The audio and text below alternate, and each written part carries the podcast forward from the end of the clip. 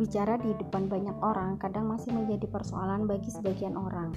Memang berbicara di depan banyak orang itu bukan sesuatu yang mudah, namun juga bukan sesuatu yang mustahil untuk kita pelajari. Yang penting, yang pertama harus kita persiapkan adalah kita harus menguasai materi. Selanjutnya, kita harus mau mencoba dan harus penuh percaya diri.